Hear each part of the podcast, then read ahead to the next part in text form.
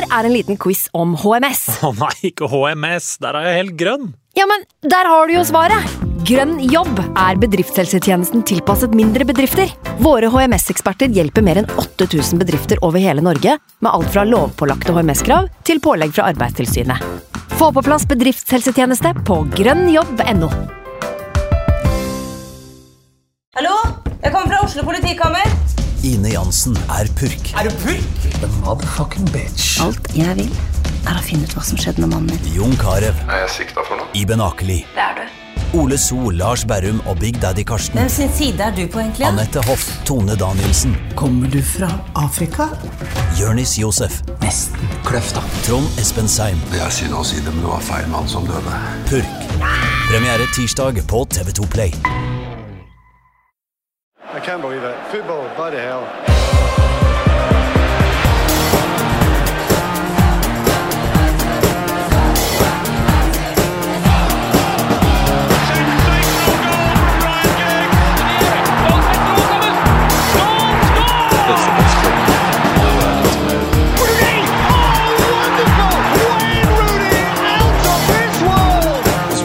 Manchester.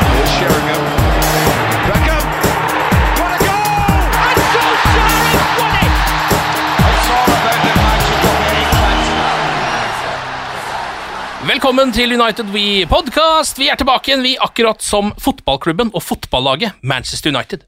Eh, Ali Sofie Grimsrud fra NRK P3, velkommen til deg. Hei, Ken. Første gang du er med denne sesongen. Er det det, eller? Jeg tror det. Daven. Eh, hva tenker du om det du har sett så langt? Uh, nei, altså skal, skal, vi gå, skal vi gå dit med en gang? Altså, vi, du, Kortversjonen. Kortversjonen er eh, Kortversjonen uh, Jeg har uh, kommet til en sånn erkjennelse, personlig erkjennelse, at når jeg ser på United, så har jeg ser se det med veldig lave skuldre. Jeg forventer veldig lite, eh, og så er, elsker jeg laget fortsatt. Men det er, det er annerledes nå. Det er annerledes å se på det, ja. Det er annerledes å se på United nå. Du sitter med en annen type følelse. Ja, det vil jeg si. Jeg har tenkt litt på det sjøl, eh, fordi sånn som eh, kampen mot Liverpool, da, eh, verdens deiligste fotballkamp, burde være for en Manchester United-supporter. Jeg syns også det var vondt. Det er på en måte sånn, Selv de deiligste kampene er litt vonde i den perioden vi er i nå som Manchester United-supporter. Mm. Eivind Brennholt Holt fra United.no også med oss. Hallo, Eivind. Hallo. Hva eh, tenker du om eh, altså, Det her er et litt rart spørsmål, men hvor er United nå, kontra der du tenkte de skulle være når denne sesongen har sparka i gang? Nå starta det veldig skeivt, og så har det plutselig snudd litt. Ja, men det oppsummerer jo egentlig det vi må forholde oss til ganske godt. Eh, Erik Ten Hag kom inn, og vi Det jeg tror vi ønska oss mer enn noe annet, var stabilitet. Ja. Um, Det fikk vi at, ikke med en gang. Men. at man kunne måtte sette seg ned og se, se United-kampen litt i ro og fred, og, og med en tanke om at det er i hvert fall kvalitet i det som leveres. Uh, og det har gått opp og ned, både på overgangsmarkedet og på fotballbanen, og etter en veldig stor opptur mot Liverpool, så var selv om det er en klisjé, så var det viktigste å bare få med seg noe, Uh, og helst tre poeng selvfølgelig, mot Southampton. Uh, Og det jeg syns står igjen fra den matchen der, er at det er en reaksjon etter pause. Mm. Um, i, altså de klarer på en måte etter en dårlig, syns jeg, førsteomgang, så klarer de å snu det, da. Og det, det tror jeg var en intern seier med tanke på den sesongstarten de har, uh, har vært gjennom. Uh, og det er um, det er litt tungt, for det har vært nå ti år hvor vi skal sette ett bein foran det andre, men det er, det er sånn også nå, da, i 2022 med Erik Den Haag. Det er i hvert fall sånn det begynner. Ja, for det er jo litt sånn det har vært de siste ti årene. Vi har satt et bein foran det andre, og så har vi satt et eh, bein foran det igjen, men så har vi plutselig begynt å moonwalke. Eh, gått noen steg bakover. Kanskje litt flere enn de vi tok framover noen ganger. Eh, og nå er vi akkurat her. Vi er eh, akkurat nå eh, per august skråstek september 2022. Eh, vi skal gå gjennom kampen mot Southampton i dag. Vi skal se litt på kampen mot Leicester, som her vi sitter starter i morgen, torsdag. Eh, men aller først, det ferskeste og mest sexy. Vi har fått en ny ving. Ja. Vi har fått Er en det ny nytt leketøy? Et nytt leketøy Nytt leketøy! på høyre kant. Eh, denne gangen eh, en naturlig venstrebeint høyrekant. Første siden Giggsy? Holdt jeg på å si. Han var jo stort sett på venstre også. Ja, men hva, hva hva var det siste? Det er lenge siden vi har hatt en naturlig venstrebeinkant som jeg kan komme på. Vi har prøvd oss på noe opp igjennom. Nani var jo tobeint, Ja. eh, men, Men mest høyrebeint, tror jeg. Ja. Eh, Angel Di Maria prøvde seg litt på høyre med venstrebeinet sitt. Ja. Eh, husker hvordan det gikk. Um, og vi har, Det er jo egentlig en, liksom en, en kant man har slitt med veldig, da, mens venstrekanten har man hatt flere alternativer. Jeg vet ikke hvor mye har dere sett av Antony? Har dere sett han spille mye for Ajax? Da så han i CL, da, og så er det alle disse klippene. Ja. Og det er jo utvilsomt dødsfett å se på han spille, da. Herregud. Det, altså, jeg, det er bare gøy. Det, men prislappen kan vi snakke en annen gang om, men eh, det er oppriktig kult å se. Jeg husker, eh, det var jo sånn, da dette nye Ajax, etter at de solgte ut første med Donny og hele gjengen, liksom, Mm. De Licht og hele gjengen, så kom det jo sånn den nye bølgen, det var vel i fjor. Ja, ja, ja, ja. Og så la man veldig merke til Antony. Det var det det var det som var poenget mitt. Han poppa, poppa ut, og det er bare en morsom ass-spiller, liksom. Ja, eh, hva tenker du, eh, Eivind? Uh, altså, det her er jo en, han skal jo være en driblesterk artist uh, som kanskje ikke står for mest målpoeng, men er også sånn rimelig effektiv, da. Dette er jo en, en ny tillitserklæring til Ten Hag. Dette er spilleren han, som sto øverst på hans ønskeliste, i tillegg til Frenkie de Jong. Um, og jeg tror vi får eh, Ronaldo um, takktren ja, på Old Trafford, uh, i form av at vi får en dribleving som elsker å dra seg inn fra høyre nå, da, ikke fra venstre, og bøye ballen i lengste. Det er liksom signaturtrekket til, til Anthony. Og han tror jeg kan uh, komplementere Jaden Sancho, som er en litt annen type driblefant. da. Ikke så, Går ikke så ofte rett på mål, men uh, mer glad i å assistere andre. Så tror jeg det kan bli en fin eh, dynamikk på, på begge kantene. Uh, spørsmålet jeg sitter igjen med, er jo Har vi liksom brukt 84 millioner på en ny kant? Uh, er det Marcus Rashford som skal ut av den av det, av det puslespillet her? Og hva skjer i så fall på topp med en Martial som åpenbart sliter nå først med hamstring og så med Achilles? Hva blir det neste? Form blir det neste. Eh, det er det neste han kommer til å slite og da sitter vi igjen med, med han jeg begynte resonnementet med, da, Cristiano Ronaldo, som da er um, 20 år eldre enn det 10 år eldre, i hvert fall, Ja. enn det han var um, da han herja på vingen sist. Så eh, Men jeg ser på Antony som en kjempeforsterkning, og du spurte om forventninger fra før sommeren kontra i dag, og jeg tror hvis, hvis vi hadde vært foruten de Jong-sagaen hvis hvis ikke den hadde på en måte blitt, blitt eh, sluppet i mai der, den bomba, og, og fulgt oss gjennom sommeren, og man hadde sagt i mai til en United-supporter at dere skal sitte igjen med Antony, Casemiro, Christian Eriksen, eh, Lisandro Martinez og Tyrell Malaysia, og sannsynligvis Martin Dubra Dubravka, tror jeg de fleste ville vært godt fornøyd, altså. Men den de Jong-sagaen har på en måte forsurna så mye da, i løpet av sommeren at det er litt vanskelig å på en måte glede seg. Men den Antony-signeringa, det er jo en, det er en premiumsignering, ikke bare i antall millioner pund, men dette er en dette er jeg helt sikker på at det er en kvalitetsspiller. Ja, høyst ettertrakta type, liksom. Mm. Eh, Det sier seg selv. Han kunne endt opp i de topp top eller topp fem eh, klubber i verden, det er, det er det ingen tvil om. Men you had me at Cristianos. altså, jeg begynte, Tårekanalene begynte å presse seg på der, men det, er liksom, det skal ikke så mye til for meg når det gjelder eh, United, men, eh, men, eh, men ja. Jeg ser du har Ronaldo på armen, men det er jo Han andre Ronaldo. andre. Du har ikke, den, du har ikke Nei. CR7 et sted. Ikke ennå. Ikke ennå. Kanskje neste Men, eh, blir Antony, da. Ikke sant? Nei, altså, det, det du sier, Eivind, er jo musikk i mine ører. Det er jo akkurat sånn vi vil ha det. Eh, så jeg bare blir stalka. Men det bare, ja, det er så befriende nå. Jeg må bare si det, altså. Å være der jeg er. Sånn helt oppriktig, liksom. Jeg blir ikke lei meg lenger. Jeg, blir- jeg blir sur, selvfølgelig. Det blir jeg så naturlig. Men jeg bare Jeg, jeg har sluppet litt tak. Mm. Og det er en veldig sånn psykologisk befriende ting, altså. Før så kunne det prege meg, liksom. Altså, Ja. Virkelig, du veit jeg har bodd med Røyken, du vet Ja. hvor, hvor, hvor elendige form vi kunne bli, liksom. Men, men det er sånn derre Det er annerledes nå. Og nå bare møter laget med åpne armer uansett hva det blir, da. Jeg tror det er psykologer der ute som gjør seg opp noen tanker nå. Eh, fordi eh, det kan jo bety forskjellige ting, dette. Det ene kan jo bety at du har blitt avstumpa følelsesmessig. Ja. Som er noe som gjerne skjer etter at man har hatt veldig veldig, veldig mange dårlige opplevelser på rad.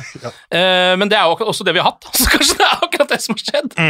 Eh, og da sitter man i hvert fall igjen og, ja, eh, med en sånn Det ødelegger ikke dagen din, eh, selv om det ikke skulle gå så bra. Paul Trafford på en måte alltid. Mm. men jeg liker jo litt det du sier, Eivind, som du sa helt innledningsvis her, at dette her er jo eh, forsterkninger som ikke bare kanskje kan være bra for United, men det er jo nesten hele lista til Ten Hag. Eh, og det en av de tingene vi har vært mest usikre på, er jo faktisk eh, styret vårt. Og hvor mye tillit og hvor mye tid og tålmodighet, som er ord vi har brukt veldig mye, men ikke sett egentlig i praksis. Om de faktisk har tenkt å gi alt dette til Ten Hag. Dette tyder jo på ja. Jeg syns jo den Ten Hag-ansettelsen her egentlig blottlegger systemet i Manchester United på en ganske mm, åpenbar måte. Og det, det blir veldig synlig akkurat hva som hva Glazers har gjort feil de siste ti åra. Um, ansettelsen av Erik Den Haag mener jeg er uh, den er helt riktig. Det var det beste United kunne få til, og de klarte å dra i land den før sesongen begynte. Så sier Ten Hag jeg vil ha de Jong, jeg skal ha Antony, eller sier det ikke på den måten, selvfølgelig, men det er de to navnene Det han var mer eller mindre det man fikk vite, liksom. Ja. Og det er da navnene som United begynner å jobbe med. Um, og da drøyer det altså nå nesten til deadline day før de klarer å få Antony. Og så er den de Jong-sagaen ekstremt komplisert. Det handler ikke om at United ikke har betalt det Barcelona krevde. Det er eh, masse kompliserte greier her med, med ubetalt lønn og de Jong som ikke helt er sikker på om han vil være i Barcelona eller hvor han, hvor han vil.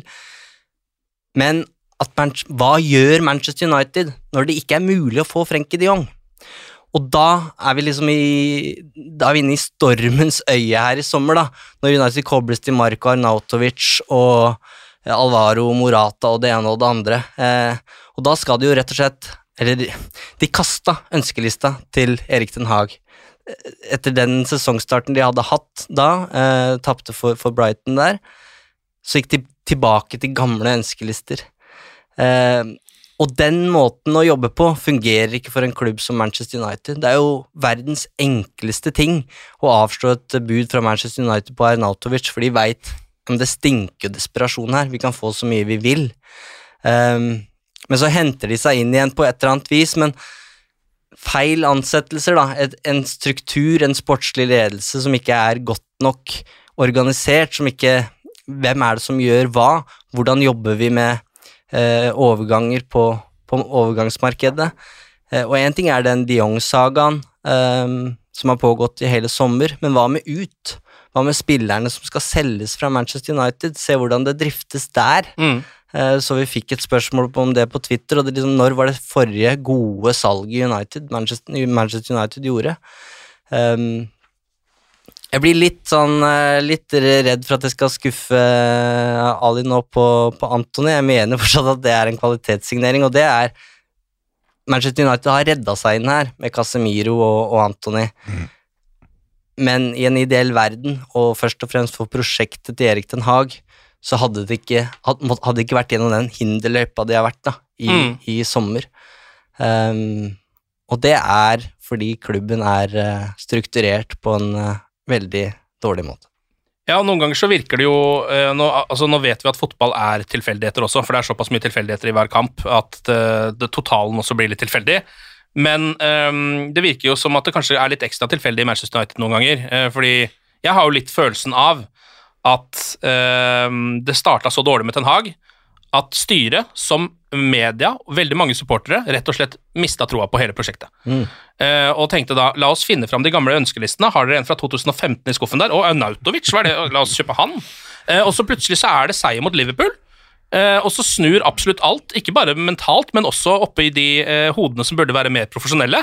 Og så tenker de oi, det her kan jo gå bra. Nå må vi bare punge ut for han Anton i dag, for han vil jo tydeligvis ha han. Ja, men det er liksom tankene jeg gjør meg, da. Sikkert ikke helt riktig, men allikevel det jeg tenker. Ja, men Det er det, altså det er mange United-supportere som har stilt spørsmålstegn. Sånn ok, greit, Hvis vi kan betale så mye for Kase og, Anthony, hvorfor skulle det drøye så mye med de Jong? Mm. Men uh, sannsynligvis er det jo de Jong som ikke ønsker å komme til United. da, ja. ikke sant? Fordi pengene er jo der, Ja. strengt tatt. Åpenbart.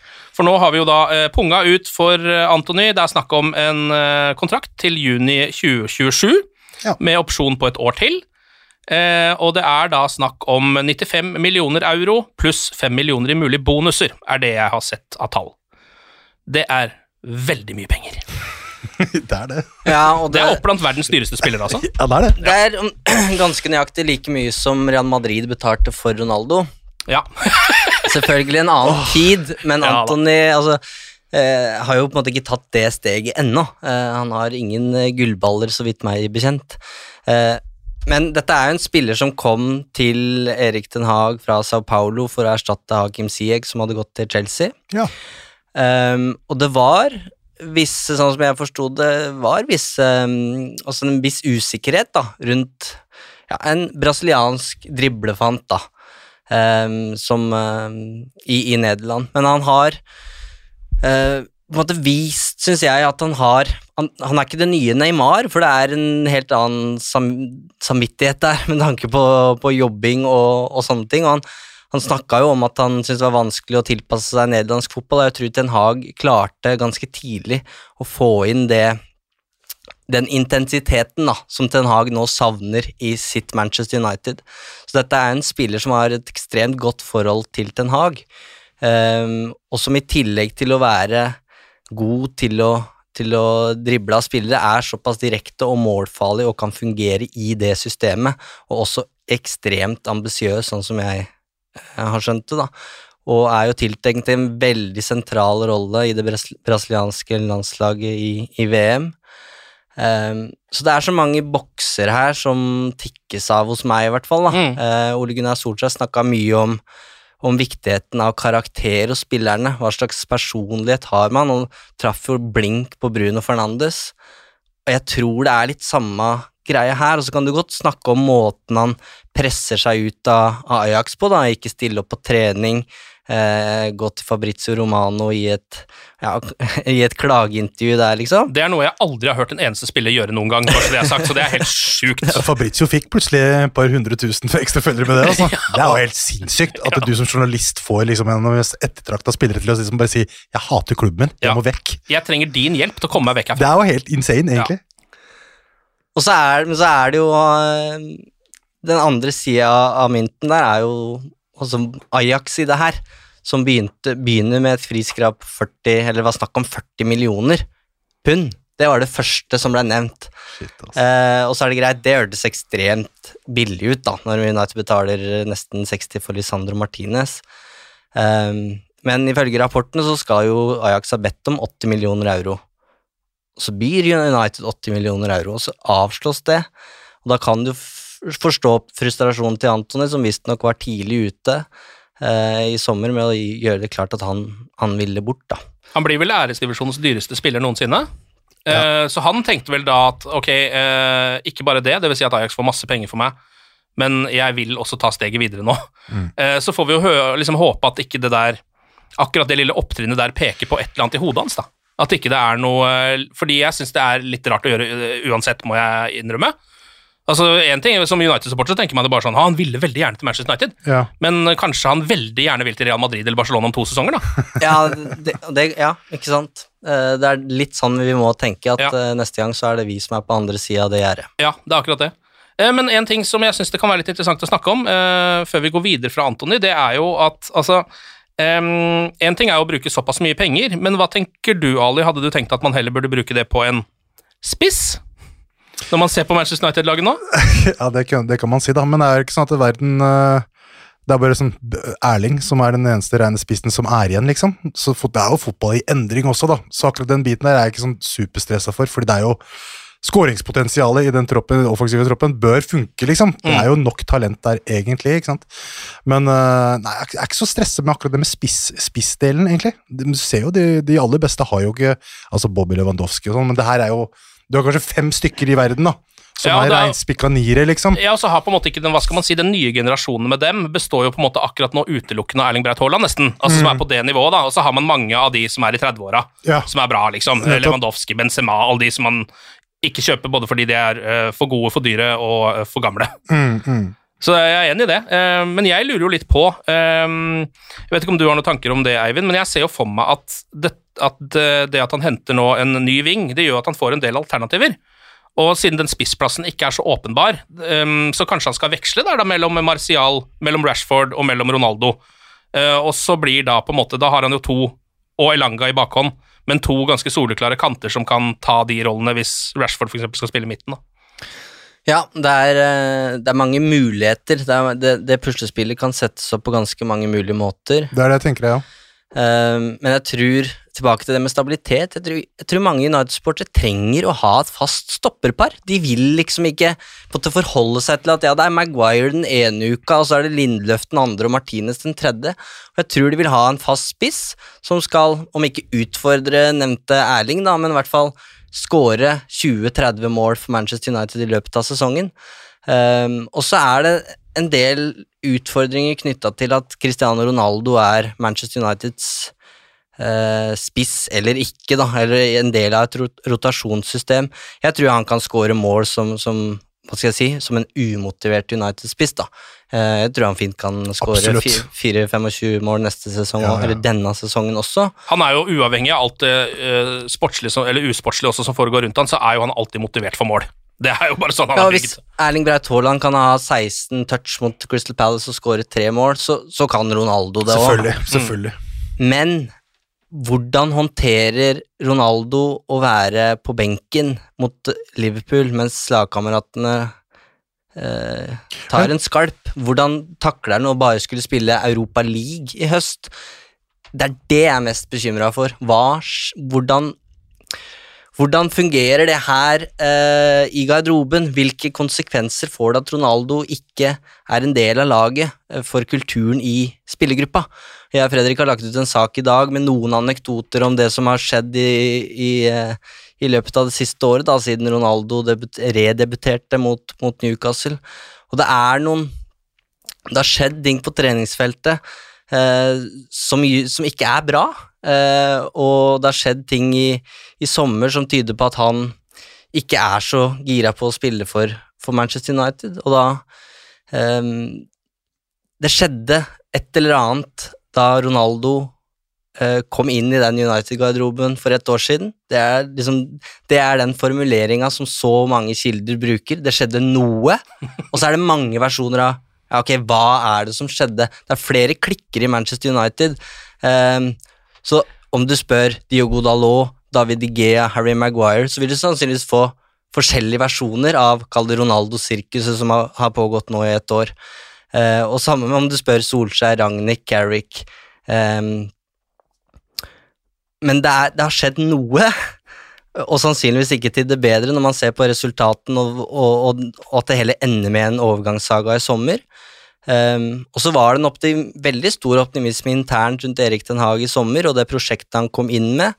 Um, han, mange ble, lot seg overbevise av det som skjedde på Carrington, og så får man resultatene som backer det i preseason. Og så skjer det igjen noe når laget samles på Carrington, Da Ron kom tilbake. og Ronaldo Liksom. kommer tilbake. Uff, jeg liker ikke å høre det, men det er sannsynligvis sant. Jeg hører det fra så mange folk. Så det har skjedd noe. Om man har sånn, installert en annen frykt i, i spillergruppa, at han er sjefen. Og så ser du da at det, Jeg ser jo disse klippene hvor han er overbærende da, med, med spillerne. Du ser liksom Donny tar noen overstegsfinter, og så rister han på huet-aktig, Den var liksom. fin. Og bare liksom, hva er det du driver med aktig, liksom. Så vet jeg ikke om det der er noe Donny blir lei seg for, eller om han bare tenker greit, han ser på meg i hvert fall, han følger litt med, liksom. Mm. Så det er sånn vanskelig å helt vite. Så jeg skjønner at folk blir stressa når Og jeg, jeg tror ikke det er noen fasit. Jeg tror For noen så har den en positiv innvirkning. Mm. For andre så er den et forstyrrende element, og kanskje et litt skremmende element. Nå vet vi jo ennå ikke hva som er enden på den visa der. Eh, kan jo godt hende at altså sånn, Nå er det jo deadline day, eh, så sannsynligheten for at Cristiano forsvinner er vel per nå ganske liten. Ten Hag har vel også sagt at nei, han blir, selv om han har sagt veldig mye forskjellig, han også. um, men altså sånn, uten at vi nå sitter på den fasiten, du Ali, som er en av de største Cristiano Ronaldo-supporterne i absolutt hele verden, hvordan har det vært å liksom være med På på, det banen, riktignok. Ja, på, ja, på banen, ja. men det er, det, som, ja, det er jo det som teller. Det er det som teller. Ja. Hvordan har du liksom, hva, tenk, hva tenker du at dette her gjør med renommeet hans som en Manchester United-legende? Jeg tror, eh, jeg tror uh, om ti år la oss, så ser vi bare på tall, ikke sant? Det er, det er noe med det. At Vi har vel på- begynt med det allerede. Gamle, og gamle sesongvideoer. Ja, ja, og det, det er noe med det, fordi vi kommer alltid til å sånn, si, ja, ja, men han, selv i et skadeskutt United og alt bare var feil, så putta han jo Var det 23 eller 24? 24. 24 i fjor, pluss nok målgivende. Så det er, jeg, jeg, tror det, er- jeg tror ikke det har noe å si. Altså For min del, så, så det, det var starten på noe helt vakkert, da, når, når han kom, når var det 09 eller 08, når enn han kom, liksom. Altså det er bare han er bare størst uansett i United-historien, for min del. da. Så jeg klarer ikke å bli så irritert, for det blir sånn derre You paid your dues. Du har levert så mye bra. Du behandler Du må behandle de som har gitt deg veldig mye godt, da. Selv om det ikke heller, helt føles sånn fra utsida. At han liksom Han vil ikke komme tilbake, det er noe greier. uh, uh, han Mendes-fyr driver og ordner og skal dra i alle tråder, og det er like før han drar til sjakk der, liksom, for han vil ikke være i United. Jeg tenker det Jeg blir ikke så stressa av det, men det jeg blir stressa av, er jo liksom det Eivind sier her, da. At han har blitt et forstyrrende element i, i, i garderoben. Og disse klikkene er jo ikke bra. ikke sant? Zlatan har jo snakket om det da han kom til Inter. Kom til Inter, og så ser han alle disse klikkene. ikke sant? Italiensk klikk, brasiliansk klikk osv. Hva er det pisset her, tenkte han. Vi må jo bare sveises. Og da ble jo Da vant jo alt de kunne vinne, liksom. Mm. Så eh, det, det ligger jo mye der, da. Det er det som er kjipt. At det liksom gutta ikke liker han. Det er, det er problematisk. Men sånn som fanmessig i ettertid, null problem med å se tilbake til Ronaldos hjemkomst som en kul ting. da. Men det er, jeg syns det, det er vanskelig, fordi eh, mot Southampton så får han en, eh, en eh, gjennombruddspasning oh, nei, nei, ja. i, i en løpeduell, eh, og så ser du han Han mister liksom ikke balansen, men der han i 2008 bare ville Altså som en sprinter, bare parkert Salisu og, og satt fart mot mål og sannsynligvis scora, så må han Så klarer han ikke helt å rett og slett stable beina helt, så han tipper litt framover. Og dermed så blir, er det han som til slutt blir parkert, da. Og det gjør vondt for United-supportere som, som husker Ronaldo i sin prime. Um, og jeg vil, Du kan sammenligne det litt med Wayne Rooney, og jeg frykter litt nå at nå får vi en sånn Rooney-sesong hvor alle liksom er enige Ja, han er på overtid. Han, Mm. han er ferdig. Um, men da jeg så Rooney-dokumentaren i tidligere i år, så må jeg erkjenne at du, man glemmer jo raskt, og de vonde åra på slutten der, de, de betyr ikke så mye. Ikke dritt, Når du tenker tilbake på de måla, de 200, 250 måla Rooney har scora. Ja. Og jeg tror det også blir litt sånn med Ronaldo, at vi kommer til å huske den matchen mot Newcastle bedre enn enn de matchene han, eh, han sleit da, som 37-åring, for det, det hører jo med til historien at han er 37 år her. Ja, og du, jeg tror du, Det bildet der tror jeg er ganske godt, egentlig, den sammenligninga. Eh, fordi Wayne Rooney han har vi jo, altså det er jo ikke så lenge siden eh, han eh, var liksom akkurat så vidt over høyden eh, for Manchester United. Og jeg husker hvor mye dritt vi har slengt om han i denne podkasten. Mm. og hvor mange ganger man har gjort det. Eh, Det er noe med det. og, liksom, og når jeg nå, samme som deg, så den eh, dokumentaren, og bare når jeg ser Wayne Rooney på TV eh, som manager, eller hva det måtte være, så jeg, får jeg helt frysninger. Så nå har jeg glemt alt det for lengst. Og Og så sier han kule ting i tillegg. ja, ja, nå tenker jeg bare på han som liksom en av de største United-spillerne som har vært der noen Ja, gang. ja, ja, ja. Og det er bare sånn, nå, nå, så det, sånn er vi supportere. Vi er sånn sett ganske enkle. Mm. Jeg sitter her selv og har liksom erkjent dette nå, at jeg tok feil da. Sånn er det bare. Ja, ja. Det er ikke noe mer å gjøre. Men det er derfor det er greit å liksom lære litt av historien. da. Liksom, de som har tjent klubben så godt, liksom løfter dem til nye høyder. Vi må være menneskelige på det òg, da. ikke sant? Det er jo ikke Fyren kan ikke løpe forbi eh, purunge 23-åringer som løper 60-meteren på fem blank, liksom. Ting er annerledes, men vi må respektere og anerkjenne alt de stjernene har gitt oss. da. Ja. Og det er liksom Jeg merker det. altså sånn Med det nye, den nye måten jeg ser United på, det er liksom anerkjennelse, respekt, ta det rolig, liksom. Ikke stress med absolutt alt hele tida. Jeg blir gal! Jeg blir gal! Det er lett å bli gal som Det er lett å bli gal som supporter. Eh, ok, la oss eh, ta for oss eh, kampen mot Southampton. United starter med samme lag som slo Liverpool. Eh, kanskje egentlig ikke så overraskende, for det gikk jo veldig bra. Men jeg hadde forventa Casemiro fra start, Eivind. Ja, Ja. nesten Ja, hvorfor, altså. hvorfor starta ikke han, egentlig? Usikker. Eh, Ten Hag har jo vært litt sånn vrien å, å spå. Eh, veldig tydelig i sommer, kjørte jo nesten det samme laget i alle matchene, og så kom, eh, kom den skaden på Martial, og da snudde han jo om på alt. Kasta inn både Eriksen og Martinez. Eh, sparer Casemiro nå, eh, kanskje mot, kanskje mot Leicester i morgen. Eh, men ja, nei, jeg syns jo de ti minuttene var lovende. Han virker jo klar, han. Ja, ja. Det var, det var, det var ingenting He hasn't last a step, da. Det kunne like gjerne sett han i realdrakt og gjorde- akkurat de samme greiene. Ja, absolutt. Eh, United starter jo i de grusomme tredjedraktene sine. Eh, hvilken farge er de, Ali? Bæsj!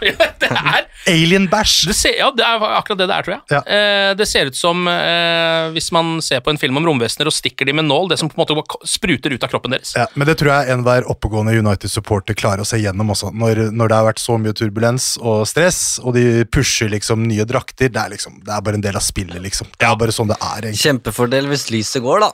Ja, for de er jo selvlysende, de Hey, draktene. er det det, eller? I Nei, Det ser sånn, det, sånn ut. det ser sånn Da er ut. det, det er alt tillit, da. Jeg tror det er sånne som hvis du lyser på de og slår av lyset, så lyser de fortsatt. Hvis du skjønner.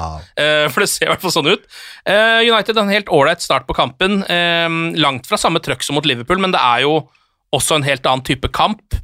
Um, så man ser kanskje for seg Jeg vet ikke om uh, at det, ja, Man trenger ikke å gå ut i 5000, sånn som man må mot Liverpool. Men jeg tenker Southampton skal få skryt her. altså det Ja. Rekrutteringsavdelinga der, de gutta som har kommet inn nå. De har altså, et helt nytt lag, de det er nesten. helt nytt lag, og de funker så bra. altså Bella Kotschap kommer til å bli henta straks, liksom. Han er god. Han er helt fantastisk. Det er jo, så, så, så Southampton stilte forberedt. De gjorde det bra, rett og slett. Ja, du ser jo hva de gjorde med Chelsea også, Ja.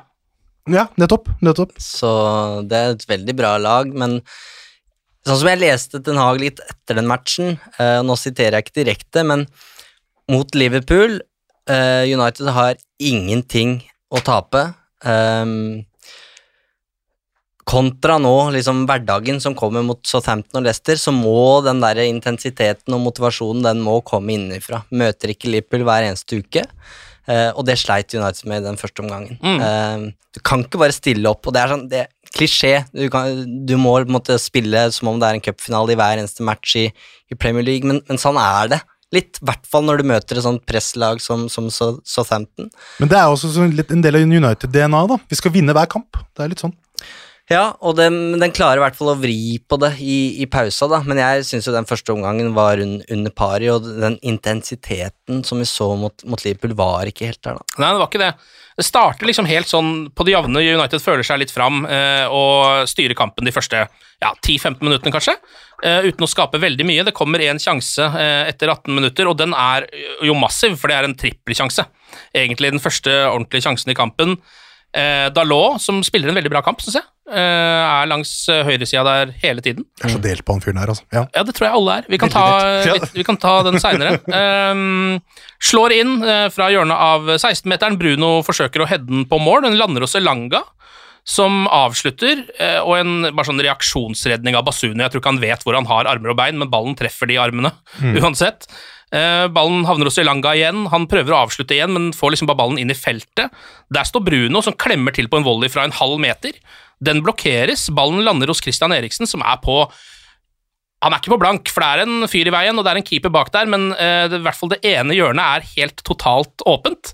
Uh, han får ikke vridd ballen helt over der, så den ble blokka, den også. Eh, og eh, United-supportere på puben jeg var på, eh, sitter bare og eh, Altså sitter alle sammen med, med panna i bordet etter å ha sett det greiene der, for det skal på en måte være mål, da. Ifølge XG-modellen så var det vel 1% sjanse for at det ikke skulle bli mål. Er det sant? Jeg, jeg er på ja, men jeg hører, altså, jeg hører, altså, Du kommer med tall her, og jeg hører det fra alle, men, men jeg, jeg, jeg syns det er Jeg, jeg tilga det. Jeg, det ble sånn herre Du har blitt for rund som supporter, Ali. Du har, du har så avstumpa, du har ikke en følelse igjen. Det kan hende også, ikke sant? Men det var, jeg følte det var litt vanskeligere enn det folk skulle ha til. Det er ingen av dem som er på åpent mål. Nei, nei. Det er alltid noen i veien. Men 1 Ja. Det er liksom det For at det ikke skal bli mål. Er, vi kan ta det for god fisk, men ehm, det er vel det at de kommer så kjapt etter hverandre at Ja det blir helt utrolig at ingen av de ender i mål. Ja, det er det. Og ofte når ballen liksom, når det er tre skudd på mål fra innafor femmeteren, så pleier det ene bare å gå inn på en eller annen måte. Via et bein eller Hvis hva ikke så er som det helst. Eliteserien. da. Ja, ikke sant. Um, og så etter det der, da, så uh, begynner United å slite. Der er det egentlig liksom resten av omgangen langt, langt under pari. Uh, Southampton tar over. Skaper ikke kjempemye, men har liksom eh, Ja, hva skal man si? De, de styrer liksom hele matchen i den perioden her, da. Che Adams har en eh, avslutning midt på David De Hea, og man begynner å kjenne at kampen liksom glir ut av hendene eh, på Manchester United. Og så, etter 37, 37 minutter, så slår uh, Moe Elunussi en Kevin De Bruyne-pasning gjennom til Shay Adams, som heldigvis uh, har en litt vanskelig vinkel og står på en måte med ryggen litt mot mål. Så det blir en litt sånn lompeavslutning som det her bare kan plukke opp, da. Um, men eh, det var, er egentlig en kjempestor sjanse. Det bare er et eller annet med fysikken der som gjør at det ikke går opp. Og så er det pause. Og Manchester United må finne på noe. Um, det gjør de heldigvis også, for andre omgang starter jo umiddelbart mye bedre enn det første omgang eh, var. Etter 50 minutter så driver Elanga og tråkker seg nesten helt gjennom eh, forsvaret, blir stoppa helt i siste liten før han får avslutta. Og så skårer Manchester United etter 54 minutter. Um, et langt angrep, veldig deilig å se. Mange, mange, mange, mange trekk Stemmer det. Uh, i det angrepet, og de spiller på en måte ut uh, Southampton uh, fra sin egen backfirer og fram, som er veldig uvanlig å se for United, for det har blitt et såpass kontringsbasert lag. da. Ballen går etter hvert til Elanga på høyre, han suser inn i banen, spiller Sancho, spiller ut til Dalot, som nok en gang kommer langs høyresida, perfekt vinkla innlegg. Det der er et klasseinnlegg, altså. Han treffer liksom eh, Bruno rett på lissa i en litt sånn uoversiktlig situasjon. Um, mellom 5-meter og 16-meteren. Der ligger Bruno Fernandes innsiden av uh, høyrebeinet, helt nede i hjørnet, og 1-0. Eh, og det føles ut som en sånn, for meg, veldig sånn viktig mål i den matchen, fordi uh, den var ikke så enkel, den kampen der. Captain's goal fra Bruno. Klasseskåring Det er det. Uh, fra start til, til slutt. Helanga involvert igjen. Mm. Um, så mange nå regner med at de ikke skal spille i det hele tatt. Jeg er litt mer usikker på det. det er, han, var en, han spilte alt under Ragnhild, uh, Ja. som Ja. var glad i å presse. Og, Så har han jo Også- også såpass mye Han er jo litt uferdig spiller, det tror jeg alle er enige om, for det er ikke alltid, liksom, han, det, er ikke alltid det blir noe av det han holder på med, men han har Mm. så, så ekstrem fart. Han er raskere enn Rashford nå, for eksempel. Og det ser man også. Altså, det er mer eh, Og den farta kan bli ganske nyttig. Den har vært allerede i flere situasjoner i de kampene som har blitt spilt. Så det er deilig å se den, det engasjementet til både Diogo Dalot, som liksom snur seg mot United-fansen og feirer, og ikke minst Bruno Fernandes, som nå ja, er United-kaptein på Ja. ubestemt tid.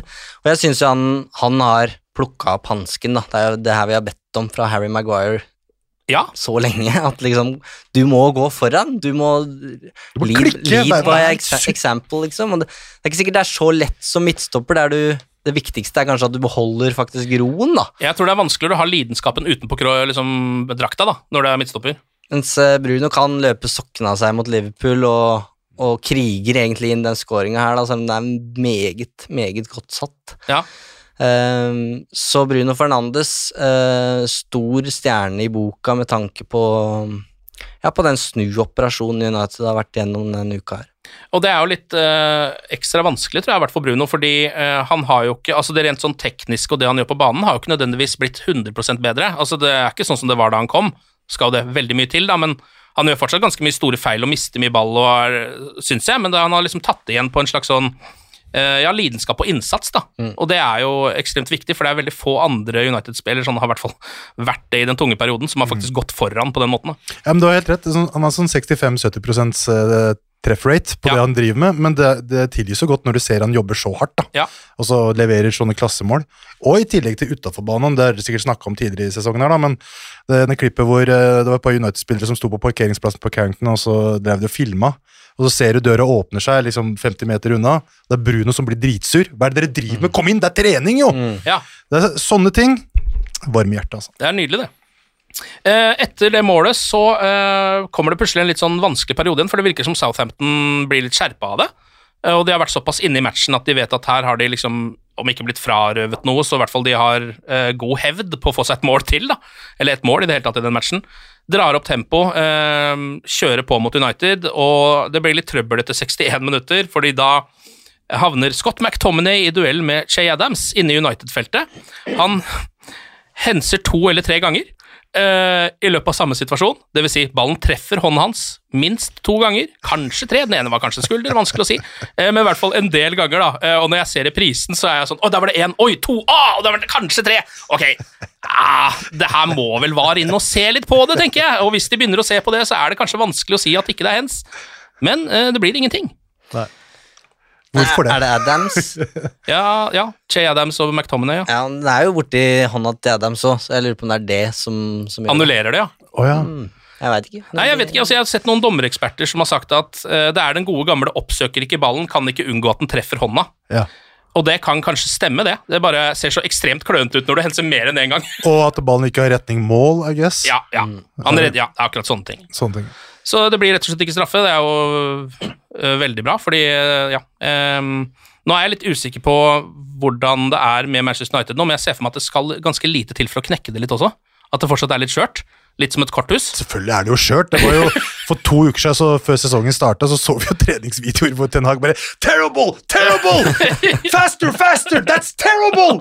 Hele tida. Så det er jo et godt stykke igjen, altså. Det er ikke det det går på. Ja, jeg tror sånne små ting som det der kan plutselig liksom ja, hvis, altså sånn, En ting er å fortsette med det de er på nå, for nå blir det et slags tog kanskje etter hvert, mm. når det blir mer og mer gode opplevelser, men å liksom stoppe det midt i med et mm. kjipt straffespark mot McTominay og 1-1 der, det hadde liksom ødelagt hele dritten. da. Eh, Southampton fortsetter å trykke på, de. Har et innlegg fra venstre etter 65 minutter. Eh, rett på huet til Jeg så ikke hvilken Southampton-spiller det var, men en av de. Knallhard heading rett mot mål. David Hea får opp armene lynraskt og slår den over til corner. En veldig, veldig god redning. Og så trykker de på uten at de egentlig liksom får så mye ut av det, mens Manchester United-forsvaret går og high-fiver, altså som om det ikke skulle vært noe morgen da. Ja. Du merker at dette her skal ikke, det skal ikke slippes inn noe mål her. Nei, nei. De har begynt med noe sånn voldsomt high-five-prosjekt, har dere fått med dere det? Jeg lurer på om det er Ten Hag som har Det er, fortalt sånn, det er, det er jo samholdsgreier. Det er de små tinga som, som betyr mye. Jeg, tror jeg, jeg, altså, jeg liker det liksom. kjempegodt, jeg. For Ja, det ser ut som de får energi av det. Det er. Martine som går rundt og klapper folk hele tida. Bare high-fiver alle som er utpå der etter hver eneste situasjon. Konge. Kanskje det er en øvelse de har kjørt på treningsfeltet. Det var en sånn reklamevideo en gang om italienske lag som trente på filming. Kanskje Erik Den Haag har innført liksom high-fiving for å Du må kjenne litt på Ja. den der intensiteten, da. Men var det ikke, var det ikke Leo eh, Giorgio, eh, VM, VM 18, hvor, hvor det var veldig synlig? Hvor de på en måte high-fiva og altså, Det tok jo helt av, liksom. Ja, ja. Bonucci og Chiellini. Det her er jo en italiensk forsvarsgreie, Ja, syns ja. jeg. Og alle bare sånn herre Sånn det skal være! Ja. Yes! Det er, no, det er noe med den greia med å liksom uh, high-five for hver takling, og så juble selv for hver blokk. Ja. Det, jeg, strålende. jeg liker det litt. Strålende.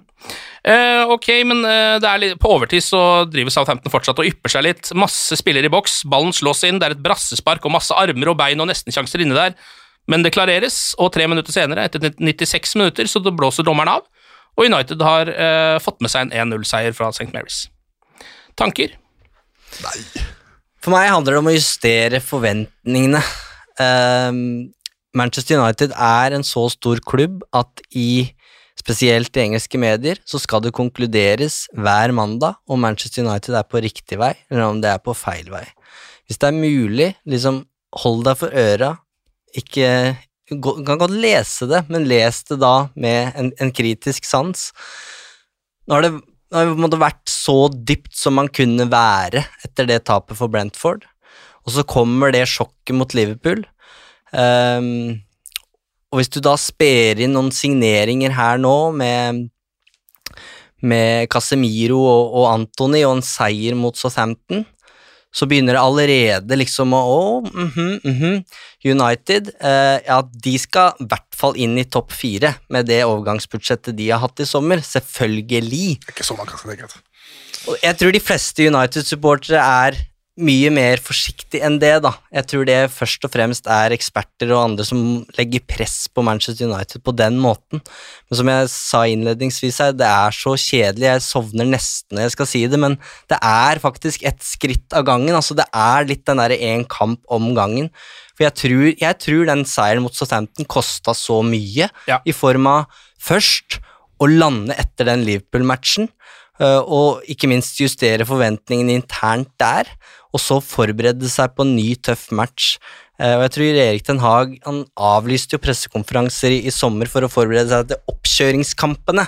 Så hvordan den almanakken han ser ut nå, hvor det kommer to kamper i uka ehm, Jeg regner med han er ganske opptatt av å være så godt forberedt som mulig da, inn mot de, de matchene her, og det, det trenger de. Jeg tror de. jeg tror de må kjempe for hver eneste seier, og det er derfor de high five hver takling, fordi de, de veit hvor de er. Ja. Og det, jeg tror også det er derfor Harry Maguire og Luke Shaw er satt ut av laget, fordi de er liksom litt skadd av å ha vært i Manchester United så lenge, da.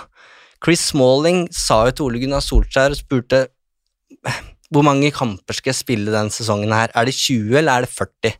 Nei, du skal spille 20. Ja, men da må jeg bort, for jeg kan ikke være en del, jeg har vært en del av den kulturen, jeg har grodd fast her, jeg kan ikke bli, jeg må ha, ha noe nytt. Han fikk et nytt eventyr i Roma. Jeg tror det gjelder mange.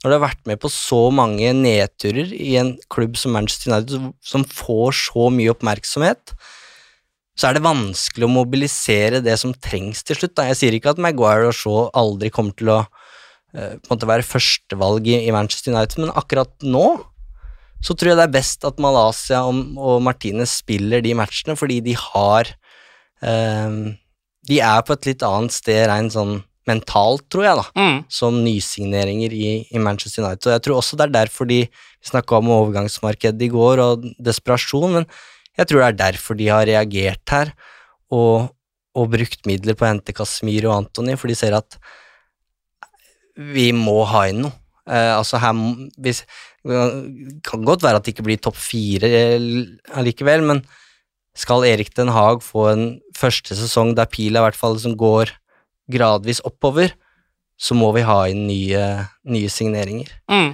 Um, så jeg, den Southampton-kampen er absolutt et steg i riktig retning, men jeg er bare veldig klar over at forventningene skrus opp. Ikke helt som da vi signerte Ronaldo i fjor og alle andre begynte å snakke om ligagull, men det er litt sånn nå at ja, Casemiro 60 mil, Antony 90, eh, 84 mil, og så skal dere ikke inn i Champions League.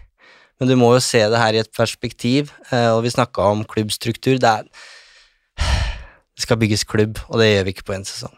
Jeg Likte for øvrig det Casemiro sa da han ble spurt om eh, hva han syntes om å ikke spille Champions League. Jeg har fem, av de, har fem av de fra før. Cinco. Hvorfor skal jeg spille noe mer av den eh, cupen der? Uh, ok, men det er jo i hvert fall da um, to veldig gode opplevelser på rad da, når det kommer til kamper her. Først uh, en meget god kamp og en seier i liksom det største hatoppgjøret uh, United spiller, og så seier i, i en vanskelig bortekamp mot et lag som viser seg å være kanskje bedre enn man tror. Altså Som Mm. nå slo Chelsea, og som, egentlig, og som var bra mot United også. Lett kunne fått poeng der òg. Det blir nesten mer spennende nå mot Leicester, som ligger sist i Premier League. Ja, det er akkurat det. Da får vi liksom se litt, da. Mm. Eh, men vi må ta noen andre ting også. Eh, du var inne på at Martin Dubravka, eh, eks-Newcastle-keeper, ventes å bli klar i løpet av ja, dagen i dag, eh, hvor det er eh, siste mulighet til å gjøre det på. Mm. Er vel eh, ganske klart at han skal være andrekeeper, vil jeg tro. Ja, skulle kanskje hatt inn noen som kunne utfordre plassen. da. Ja. Det er vel egentlig det, Det, som er problemet. Det hadde de jo på en måte i Henderson, men han har det jo lånt ut. Ja, Og Trapp øh, ble ikke noe av, så det ble Nei. litt sånn øh, Ja, jeg synes jeg er litt lunken til akkurat det der. Til Ja. Dubravka-greiene. Men de trenger jo en eh, relativt solid og kanskje enda mer erfaren uh, andrekeeper som bare kan gå inn og gjøre en helt ok jobb, tenker jeg, de gangene det her ha da, eller i veldig Tror du Tom Heaton hadde tok for seg det. Ja, kanskje. Ja. Jeg ser for meg at Dubravka er litt bedre enn eh, Tom Heaton. Ja, ja, han er sikkert Første slovak da, i Manchester United. Vi hadde jo Martin Swiderski, men han forsvant jo uten å ha spilt en førstelagskamp. Og så okay. kommer Dubravka inn som ikke den første mm, hva skal si, østeuropeiske keeperen i Manchester United. Det har vært mange juniorkeepere der nå de siste eh, sesongene. Vitek, Masten i Kovar, og så hadde vi jo broren til Sergej Milinkovic-Savic, eh, Vanja eller noe sånt. da. Ja. Um, Hvem var backupen til, øh, til Edvin? Hvem var det igjen? Var jo Ben Foster Nei, men han stund. med uh, polsk etternavn. Kuczak. Yes. Thomas. Polakk. Thomas Mm. På polakk, ja. Mm. Så Dubrav, Dubrav, Dubravka er inne. Vi får kanskje se om han også blir en av de som går ut uten å spille en eneste førstelagskamp, for det kan jo fort hende noen er reservekeeper. Europa League-keeper, eller? Kanskje Europaligakeeper, ja. Vi får se. Eh, Ronaldo har vi snakka nok om, gidder ikke å snakke mer om det. Eh, hvis det skjer noe, så får vi ta det neste uke. Eh, James Garner nærmer seg Everton. Eh, var god for eh, Forest forrige sesong, i opprykkssesongen deres. Og eh, Sigurd Tunestvedt eh, har sendt inn et spørsmål på Twitter. Eh, Ryktes at Garner går for 15 eh, millioner eh, pund, sier han. Og så kan vi jo starte med Hva tenker dere om å selge et av liksom, talentene i, i laget? Det, det her vet Eivind bedre enn meg, da, men det høres jo umiddelbart helt feil ut. Å drive og kvitte seg med de største talentene som, er, som skal egentlig komme og bygge laget om noen år. da. Så jeg veit ikke hva, hva er grunnen til det. Er det fordi vi er, hva er opplegget der? Det føles jo bare helt feil. Vurdert av Erik Den Haag og ikke funnet god nok. Ja. Rett og slett. da. Eh, og igjen litt tilbake til den eh, kall det- kall det ranten min om forventninger. Eh, når da Zidane Iqbal og Charlie Savage kommer inn i oppkjøringa og, og herjer, og det på en måte snakkes seriøst da, om liksom, ja, men hvorfor skal ikke de her kunne spille på midtbanen til Manchester United? Da må vi liksom, vi må skru litt på den forventningsknappen da. Ehm, og det er det som James Garner nå får merke, da. Men jeg mener jo det er et slag i magen på spillerne som United nå sender til championship for å spille på seg erfaring, for så å spille seg inn på førstelaget. Eh, Jeg veit ikke om James Garner kunne gjort, gjort det så veldig mye bedre i Nottingham Forest forrige sesong.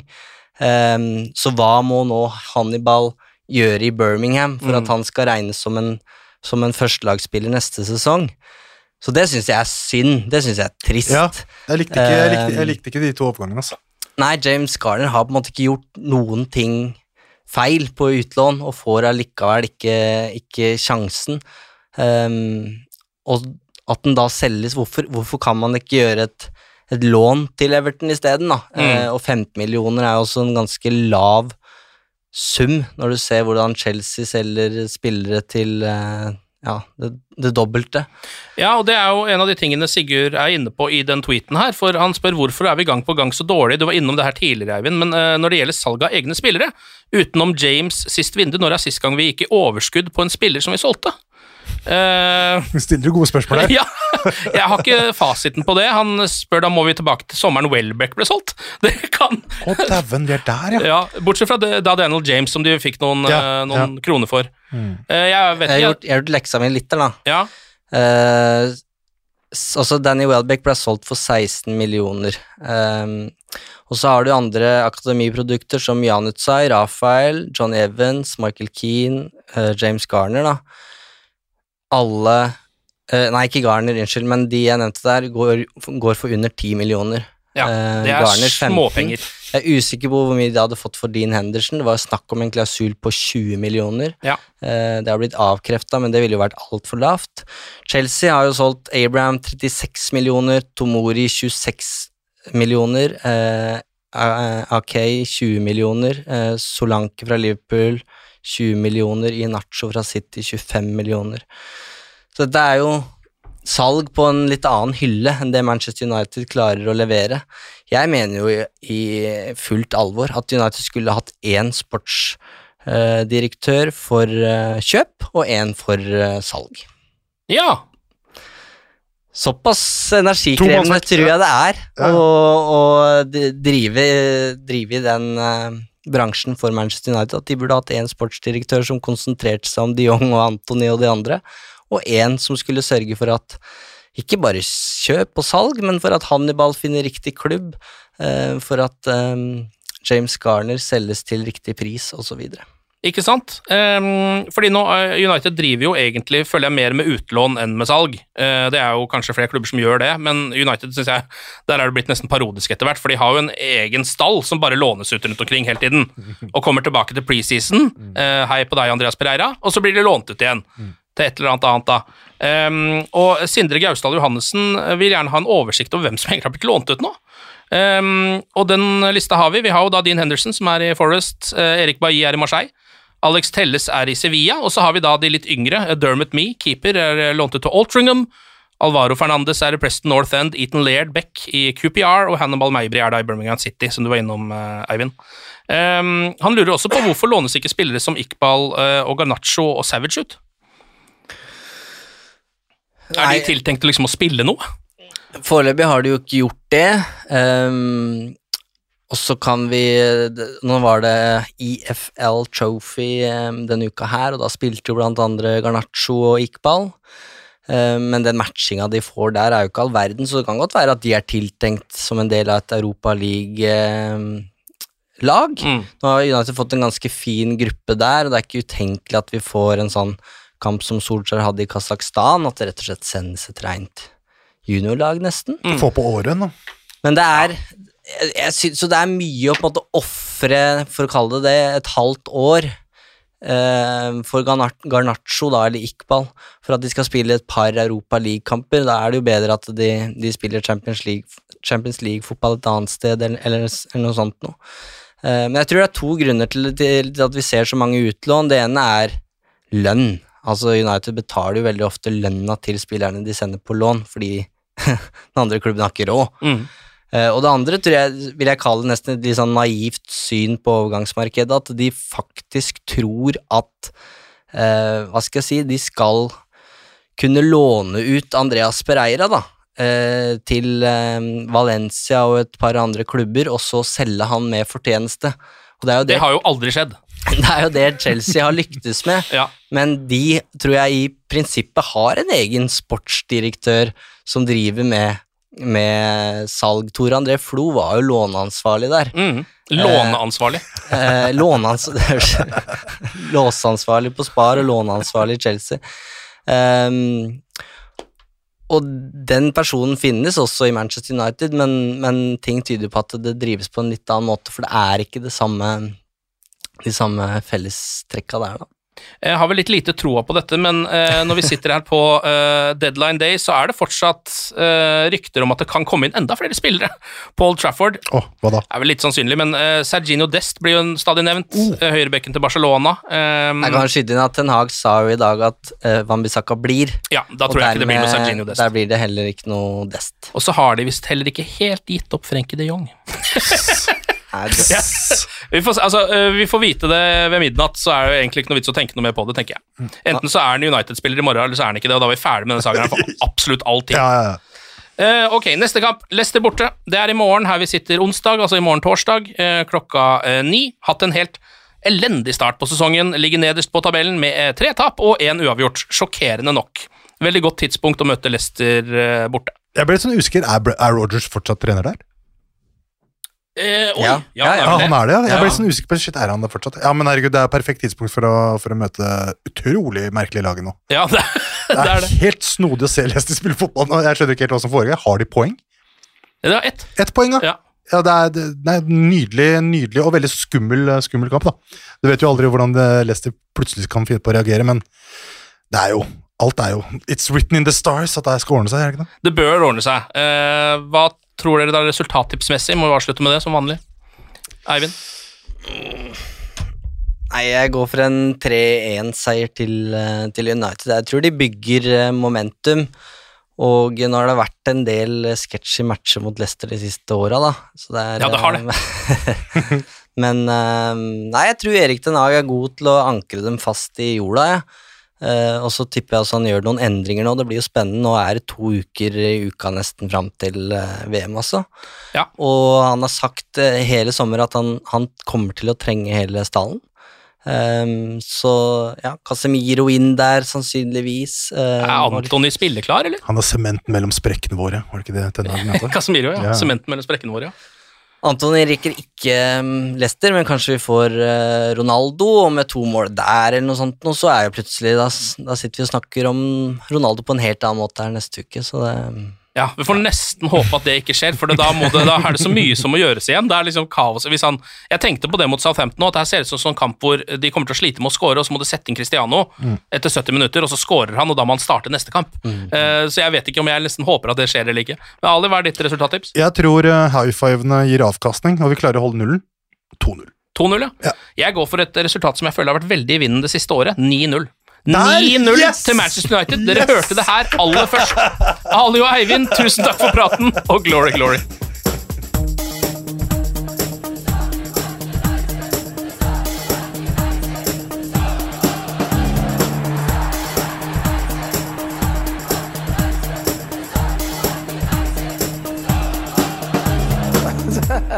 Oh, it's true.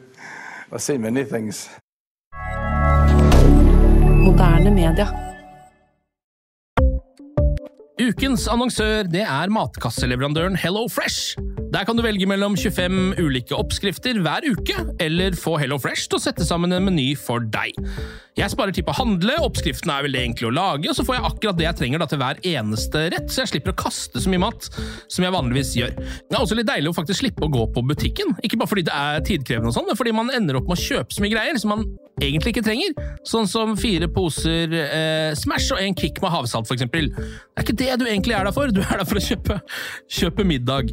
Så det er en veldig eh, kjekk ting. I tillegg så er det jo eh, ferdigporsjonerte ingredienser, det blir mindre matsvinn, og du betaler bare for det du faktisk trenger, og det du faktisk da spiser. I tillegg så blir det da levert på døra til et eh, fastsatt tidspunkt, sånn at du kan få det akkurat når det passer for deg eh, sjæl.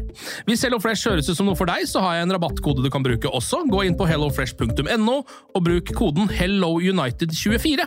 HelloUnited i ett ord, også 24, og få opptil 1779 kroner i rabatt på de fem første matkassene dine hvis du ikke har prøvd HelloFresh ennå. Du kan også bruke koden hvis du tidligere har vært kunde, men har stoppa abonnementet ditt for tolv måneder siden eller mer. Det er ingen bindingstid, og du kan pause eller avslutte abonnementet ditt akkurat når du selv måtte ønske. Husk koden HelloUnited24, og bon appétit! Ukens annonsør er Folio, en smartere banktjeneste for deg som har en egen bedrift eller ønsker å starte for deg selv. Folio er en superenkel nettbank for bedrifter. Som kunde i Folio får du en bedriftskonto med et bedriftskort og app. I denne appen er det smarte løsninger som forenkler regnskapet ditt, uansett om du har en liten bedrift eller et enkeltpersonsforetak. Folio er både intuitivt og brukervennlig, og er laget med et enkelt språk. I tillegg tilbyr de forutsigbare priser og ingen skjulte gebyrer. Skulle du likevel trenge det, så kan du snakke med deres raske og hyggelige kundeservice, og der får du prate med en faktisk person og ikke en chatbot. Folio er med andre ord både enklere og koseligere enn banken. Over 10 000 bedrifter har allerede valgt Folio som sin banktjeneste, så besøk folio.no og se hvordan Folio kan forenkle din hverdag også. Har du et enkeltpersonforetak eller en liten bedrift? Da er du sikkert lei av å høre meg snakke om hvor enkelt det er med kvitteringer og bilag i fiken, så vi gir oss her, vi. Fordi vi liker enkelt. Fiken superenkelt regnskap.